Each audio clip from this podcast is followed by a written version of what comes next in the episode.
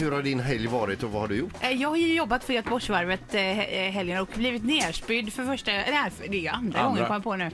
Vi behöver inte gå in på den första gången för det var lite mer internt.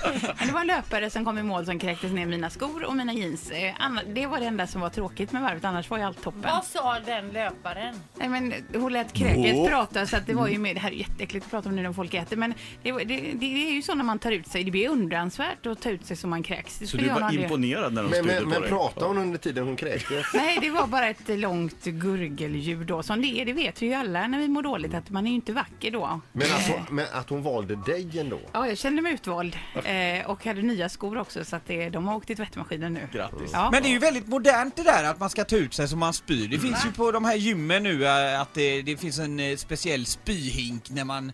Vilka djur Gör har det? infinit- Ja, men, Det har ja, inte jag men eh, sett. Mm. alltså det här crossfit till exempel. Där har de en sån spyhink. Oftast på- i anläggningarna. Nej, men det känns Okej. ju otroligt alltså, maffigt ändå att köra så slut på sig själv och ändå orka kräkas för det är jobbigt att kräkas med. Jag tror inte jag kan ta ut mig så jag spyr. Nej, det kan jag absolut inte. Jag, jag har ju slutat långt. Finns. Nu Jag ska vi vill lämna hellre över höra- ordet till Erik Jag här skulle vilja också. höra om din Stockholmsresa, Erik. Nej, nu blir det lite upphåsat här egentligen. Det var ju inte så eh, speciellt alltså. Men jag har köpt nya gymnastikskor. Gympadojor. Erik har aldrig haft Nej. gympaskor Är det innan. gummiskor? Alltså jag ska bara eh, snabbt dra, vi det som de kommer... du har på dig? Ja, vi som kommer från landet. Eh, om jag har mysbyxor på mig känner jag mig arbetslös och har jag gymnastikskor så känns det som att jag ska ut och gympa. Så jag har den här känslan, så jag är 35 år, har aldrig haft ett par riktiga sådana här gymnastikskor. Sneakers är Ja, Typ det. Mm. sneakers heter det, men gympadojor. Och det känns konstigt va, som att jag jag har fel kläder på överkroppen med att gympaskorna ska ut och gympa.